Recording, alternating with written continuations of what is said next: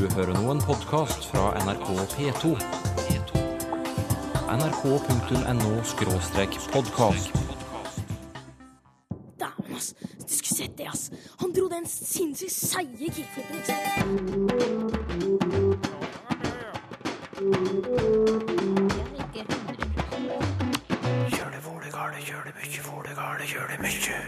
Da Sauda fikk fabrikk på 1920-tallet, forandret dialekten seg. For eksempel så sa de jakken er røde i det gamle talemålet, og i dag sier de jakken er rød. Ny applikasjon gir deg nordnorsk bannskap når du trenger det. De forbanna garrhysa. Og hvorfor kan nek være et skjellsord? Det er ikke noe voldsomt svære greier med et nek. En hjørnestensbedrift i et lite samfunn kan skape dialektendringer. Det skjedde bl.a. i Sauda i Rogaland. På 1920-tallet etablerte Elkem smelteverk der, og de rekrutterte arbeidskraft fra utlandet og fra andre steder i Norge. Over tid forandret Sauda-dialekten seg, og vi fikk en såkalt industridialekt. Randi Neteland, du har skrevet doktoravhandling om industridialekter. Annet om det som skjedde i Sauda. Hva er en industridialekt? Eh, vi kan jo enkelt si at det er dialekten på et industristed. Eh, men da krever det kanskje også at vi tenker at dette industristedet skal ha hatt ganske stor innflytting over en kort periode. Da vil det skje mye med dialekten der, og det skapes kanskje en ny dialekt. Og det var det som skjedde i Sauda. Du, Hvilke talemål var det innflytterne hadde med seg, og som, som da påvirket den tradisjonelle dialekten? Det var jo i utgangspunktet ganske mange som kom fra nærområdet, faktisk, som var nabo, fra nabokommunene og sånn. Eh, men det var jo også mange innflyttere fra Østlandet, og det var mange fra byer, f.eks. fra Stavanger og fra Haugesund. Og også en del av disse fra nabokommunene, de hadde faktisk bodd en stund i, Stavanger, f.eks., eller i andre byer en periode. Så vi kan jo også tro at noen av disse kan ha vært påvirka av bydialekter før de kom til Sauda. Så med andre ord ulike talemål som, Ja. som havner i, i Sauda og påvirker den dialekten folk snakket der fra før av. Kan du gi noen eksempler på hvordan innflytterdialektene farget over på Sauda-dialekten? Ja, det var jo eksempel sånn i det gamle Saudamålet at de sa 'hestaden'. Mm. Og dette gikk jo fort over, egentlig. I, etter denne store innflyttinga begynte, så er det sånn at vi ser at den neste generasjon, altså de som vokste opp etter denne store innflyttinga, de, de sier alle sammen enten hestane eller hestene. Og denne variasjonen med hestene, den har jo forsvunnet igjen. Så de unge i dag, de sier hestane. Ja. Ett eksempel til. Eh, For eksempel så sa de eh, jakken er røde i det gamle talemålet, og i dag sier de jakken er rød. Så sånne endringer har jo skjedd eh, ganske mange av, egentlig. Og du, du snakker om barn av innflyttere og barn av folk som bodde i Sauda fra før av. For det er der vi finner industridialekten, ikke hos de voksne, de som er voksne mens dette skjer, men hos barna deres, ikke sant? Ja. Det må vi gå ut ifra, i alle fall. At det er sånn at eh, de voksne, de, de møtes jo Det er mange med forskjellige dialekter som møtes på én plass. Og da er det jo klart at man tilpasser seg litt til hverandre. Og, og vil kanskje tilpasse seg til den som har mest status og alt mulig sånn, men, men man vil ikke forandre dialekten sin totalt. Men de ungene som vokser opp i dette samfunnet, der det er et mindretall eh, som bodde der fra før, for å si det sånn, majoriteten er innflyttere, og, og denne innflyttermajoriteten har veldig forskjellige dialekter, så de vokser opp i et veldig sånn eh, variert språksamfunn. Mm. De får på en måte ikke helt tak i hva slags dialekt det er de skal lære seg når de lærer seg språket sitt, for å si det sånn. Så lærer ikke de noe bestemt dialekt. De lærer eh, heller en variasjon. En industridialekt. En industridialekt. Hvor i Sauda-samfunnet oppsto industridialekten først? Vi vet jo ikke dette sikkert, men det som jeg har funnet ut, det er det at de som er nært knytta til fabrikken, eh, de bruker flere av de moderne språktrekkene enn andre i samfunnet. Så jeg har en teori da om at dette kan ha oppstått i, fabrikken eller i fabrikkmiljøet. Enten at de jobber der sjøl, eller at de har um, familie, altså far eller mor, eller uh, er gift med noen som jobber der. At det har veldig mye å si for uh, språkbruken, og om de tar i bruk det helt nye og det helt moderne. Hvor avgjørende er det da om de er innflyttere eller ikke? Hva har det å si? Det var jo det jeg tenkte, at det var innflyttere som som, eller barn av innflyttere. At det var de som kom til å snakke det mest ekstremt moderne, for å si det, for å kalle det for det. Og det mest spesielle dialekten, da. Men det er faktisk ikke innflytterbarn nødvendigvis. Det er de som har tilknytning til fabrikken på en eller annen måte. Så hvis du er innflytterbarn og tilhører en annen yrkesgruppe, f.eks. barn av en butikkansatt, mm. så bruker du ikke nødvendigvis alle de nye språktrekkene. Men hvis du er barn av en fabrikkarbeider, da er du inne i et språklig miljø med så utrolig mange innflyttere at det er der det, det skjer noe, noe spesielt da med språket. Og så sprer de seg ut derifra til resten av samfunnet. Selvfølgelig via ungene. via disse ungene som vokser opp, og som møter unger fra andre miljø på skolen, f.eks. Mm. Men allikevel så var det jo ikke denne industridialekten vi snakker om nå den gangen, som, som levde videre. Eh, hva skjedde? Det som skjedde, var jo det at noen av disse endringene som skjedde i denne industridialekten vi har snakka om til nå, noen av de ble videreført, og andre ikke. Sånn som dette med å si jeg, og også vi, var det jo noen som sa, i en periode. Men det ble ikke videreført. Hvorfor det? Eh, nei, hvorfor det? Det er vanskelig å svare på, faktisk. Eh, man kan jo kanskje tenke seg at det er for ekstremt. Eller at det symboliserer noe annet enn det man ønsker å symbolisere. Men jeg tror jo kanskje like mye det, det er et slags eh, majoritetsprinsipp. Hva mener du? At det var ikke nok folk som sa jeg. Mm. Det var bare noen få av ungene som vokste opp i denne første generasjonen etter innflyttinga, som sa jeg, og de andre, alle de andre sa jeg. Og da var det kanskje den majoriteten av jeg-brukere som vant fram til slutt. Og da er det jo sånn at det gamle talemålet, der var det jeg, og i det nye er det jeg. Mm.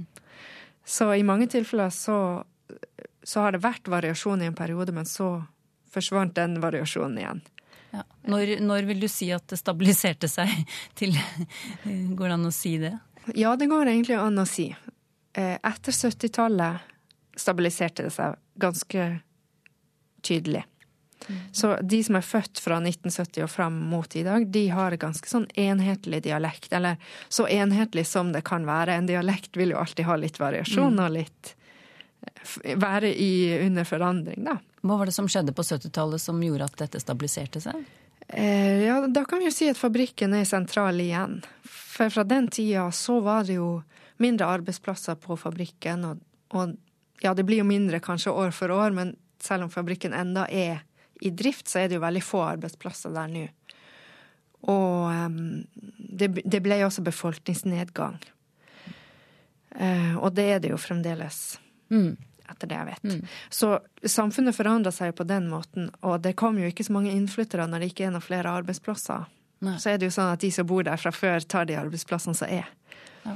Men den, den, dialekten som snakkes i Sauda i dag, eh, den bærer fremdeles preg av eh, det som skjedde på, fra 20-tallet og en stund framover, og disse dialektendringene som, som fant sted da? Ja, absolutt. Det skiller seg veldig fra dialektene som er i nærområdet rundt, rundt byen.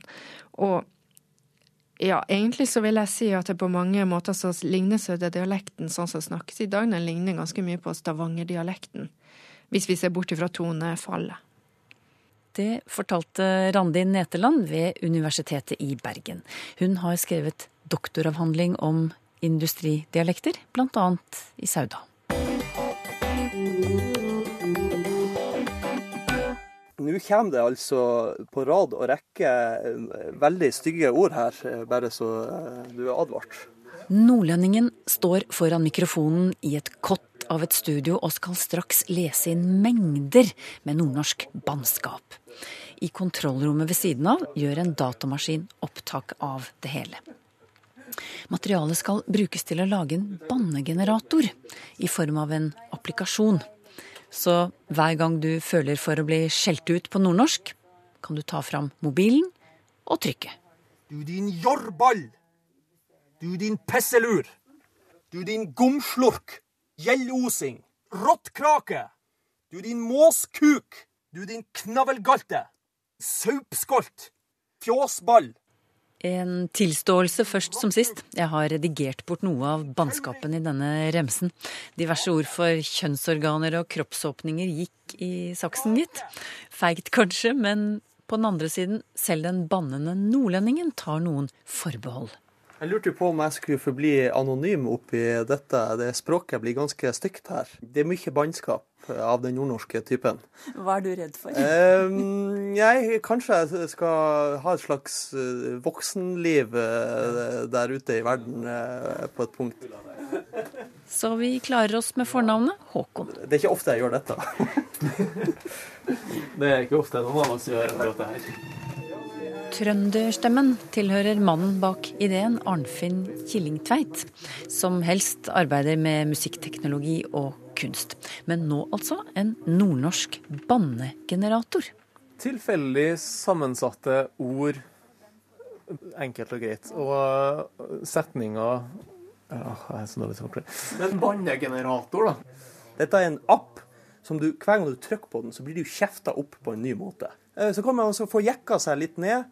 Så kan man få bli kjefta på kreativt. Du har jo laga et sinnssykt system for at det vil aldri bli repetisjon. Altså, Det vil komme nye regler hele tida. Så hver gang du trykker på knappen, så blir du kjefta opp på en ny og unik måte.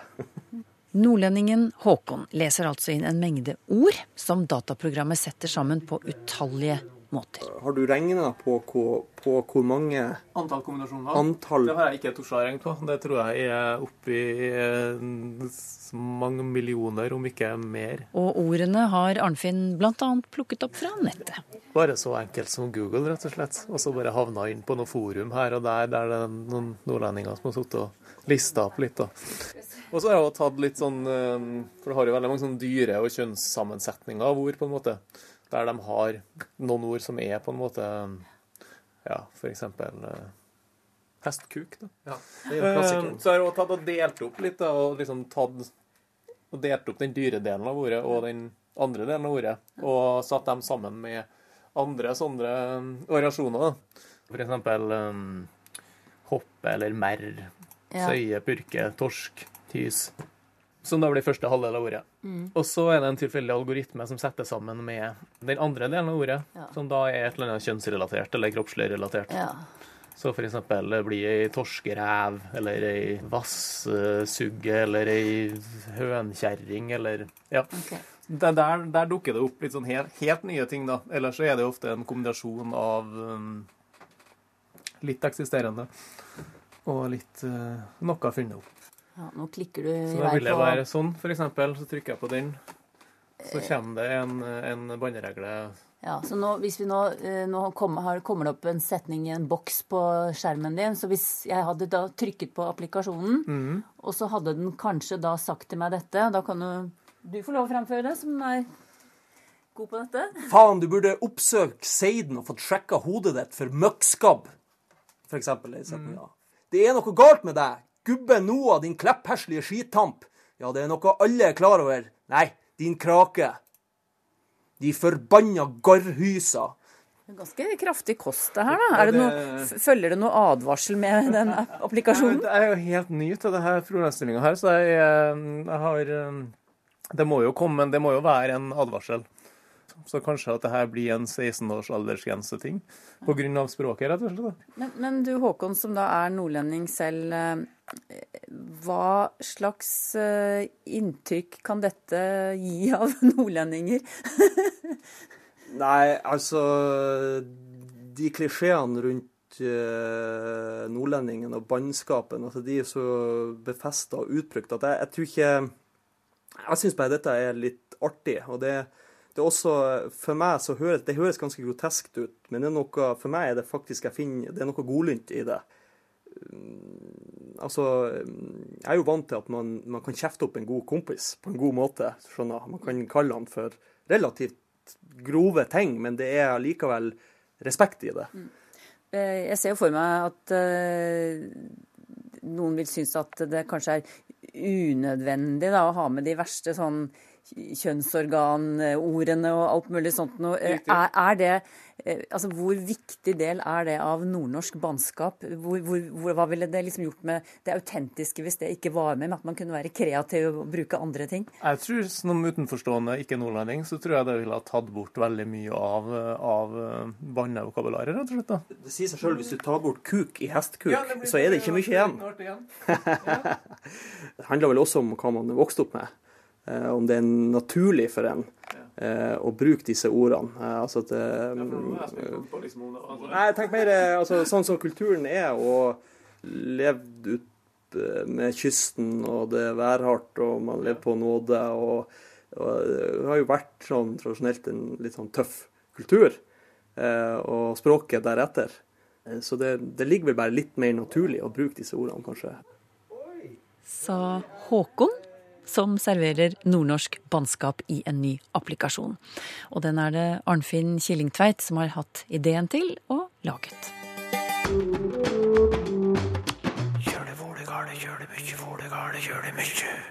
Det første spørsmålet i dagens lytterspalte handler om ordet nek, og det kommer fra Hans Anton Fagerli.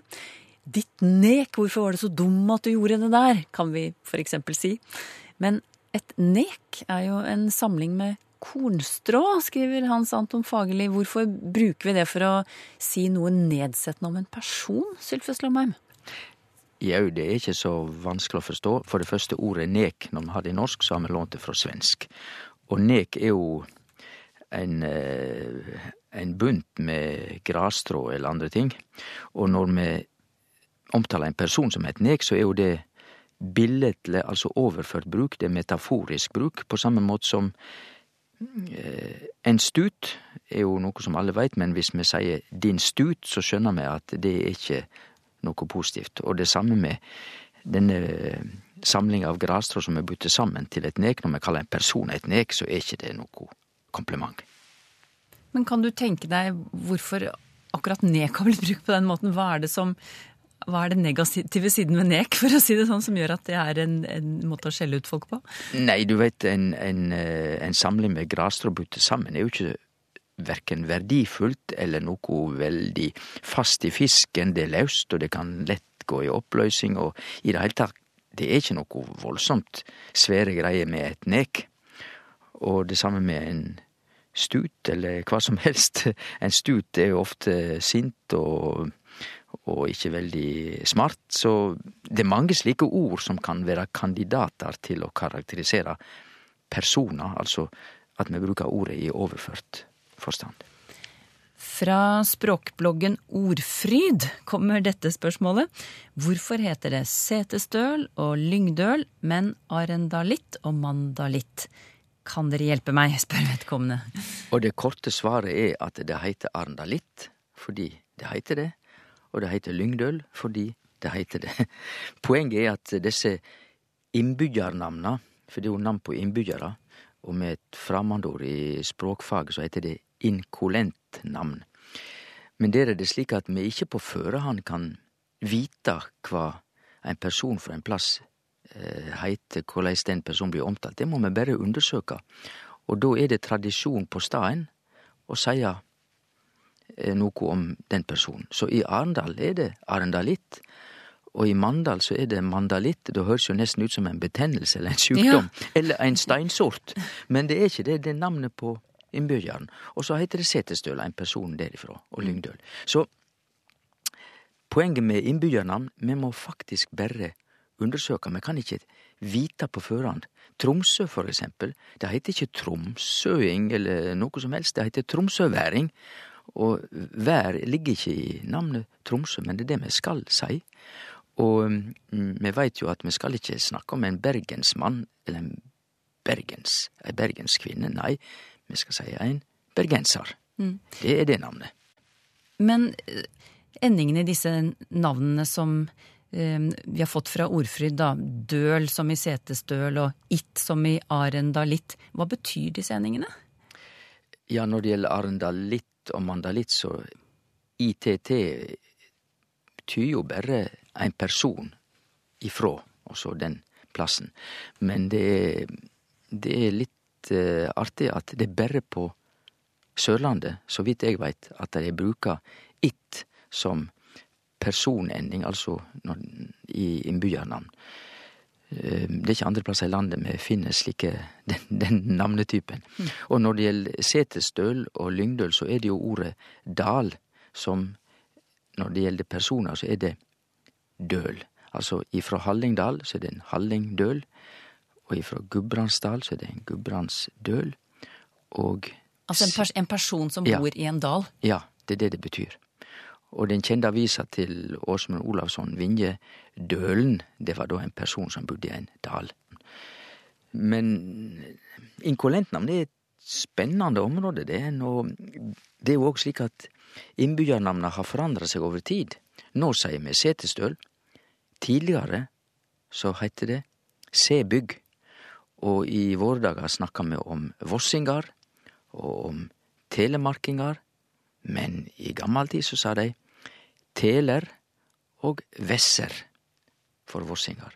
Så det er også slik at eh, disse inkolentnamna, eller innbyggjarnamna, har endra seg over tid. Det er et stort og spennende eh, område, eller stort, men det er iallfall et delområde innafor norsk språkhistorie som er ganske spennende. Jonathan Hamill er eh, engelsk. Han har bodd i Norge elleve år, forteller han.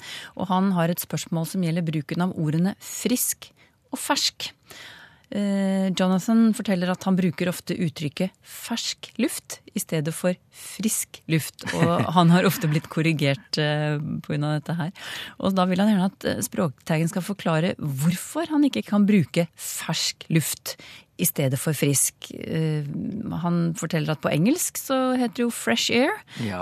som på norsk har den samme betydningen. Og for han betyr fersk luft at han får ny luft hvis han går seg en tur. For luften er jo ikke alltid frisk om man f.eks. går ut i en by. Men ellers, Sylfest, må vi bare slå fast at han kan jo si fersk luft eh, og frisk luft så mye han vil. Det er jo ikke noe som er riktig og galt når det gjelder talemålet. men eh, det, det verste, eller jeg bør jo si det beste med det Jonathan skriver om, er jo at han historisk sett har fullstendig rett. Fordi at når vi har de to norske orda frisk og fersk, så er det faktisk samme ord. Men det er bare at vi har splitta dette i to, og fersk betyr da veldig eh, tydelig norsk noe som er nytt, i motsetning til gammelt. Medan frisk på norsk er noe som er helsikt og eh, kanskje litt kjølig, frisk luft og litt anna tying. Men hvis vi går til engelsk, som Jonathan sier, så er det bare fresh. Og går vi til fransk, så er det også bare fresh. Eh, engelsk har jo da fått ordet fresh fra fransk fresh. Men eh, det franske ordet fresh, det skriver seg ikke fra latin i dette tilfellet. Det har egentlig fransk fått fra germansk. Eh, fresk, og det er det samme ordet som frisk. og hva er det som har skjedd der? Jo, på et tidspunkt i vårt språk, altså norsk, så har det skjedd det at disse bokstavene R og E eller I har bytt plass. Det heiter metatese med et fagord i språkteori, altså omkasting av lyder. Og ikke bare har disse lydene blitt eh, omkasta, altså forandra rekkefølgen på, men i samsvar med det så har vi også utvida ei meining, ei ny meining med fersk, som ikke er det samme som frisk. Kort sagt, fersk og frisk er to ord på norsk, men fersk kjem historisk sett fra frisk, og det ser vi fordi at det er bare det som eksisterer på engelsk fresh, og på fransk fresh. Geir Hovensjø har et et uh, spørsmål som er knyttet til uh, ja, noe han hører av og til i nyhetssammenheng. Dollaren, eller kronen, svekker seg. Og det syns han er litt rart. Er dette noe den gjør helt på egen hånd, skriver han? Akkurat som når folk legger seg eller skynder seg? Ja, det er rart, og jeg syns jo det er morosamt å ta disse her børsretorikerne, fordi dette virker i alle fall ikke logisk. Én ting er at vi kan diskutere om de skal få lov til å skrive det, om vi skal akseptere det eller ikke, men språklig sett, grammatisk sett, logisk sett, så er det litt meningsløst å si at krona svekker seg. Fordi at det vil jo bety at krona er et levende vesen som svekker seg. Det som ville være naturlig, er at krona blir svakere, for både krona og dollaren er jo et objekt, det er ikke noe levende vesen. Arnold Skaug forteller at for mange år siden besøkte han en by i Ukraina, og den byen het Rava Ruska. Eller kanskje Rava Ruska, jeg vet ikke. Men poenget, kan det være en sammenheng med vårt rav ruskende? Nei, eh, hvis jeg skal være ærlig, så tviler jeg jo sterkt på det. Men eh, uttrykket rav ruskande er jo interessant, og, og ruska er et ord for å rive. Rive i stykker. Og eh, rav er sannsynligvis i slekt med verbet og å rave, altså gå litt ustøtt, så da vil jo noe som er rav, ruskande, bli ganske levende som uttrykk. Og så Grunnen til at vi har det, er sjølvsagt ikke bare meningene i de to, i de to orda, men bokstavrim, som vi er så glad i i norsk. Altså RR, rav, ruskande, langt om lenge, sus i serken. Men nordmenn elsker jo uttrykk som begynner med samme bokstav. Så når noe er rav ruskende galt, eh, hvor ille er det da? Nei, da står det ikke bra til. Det veit jo alle som kan norsk. Da er det ille. Har du spørsmål til Språkteigen? Skriv til Teigen, krøllalfa nrk.no, eller til Språkteigen, NRK P2, 7005, Trondheim. Så finner du oss også på Twitter og på Facebook. Hvordan skape leseglede hos gutter? Da kan man gjerne ta med seg en bok ut på tur. Der kan vi kanskje finne svaret på hvorfor eh, makkene kommer opp av jorda når det regner. Eh, eller vi kan eh, ta med bøker opp i trærne og gjøre det tilgjengelig. Språkteigen neste gang.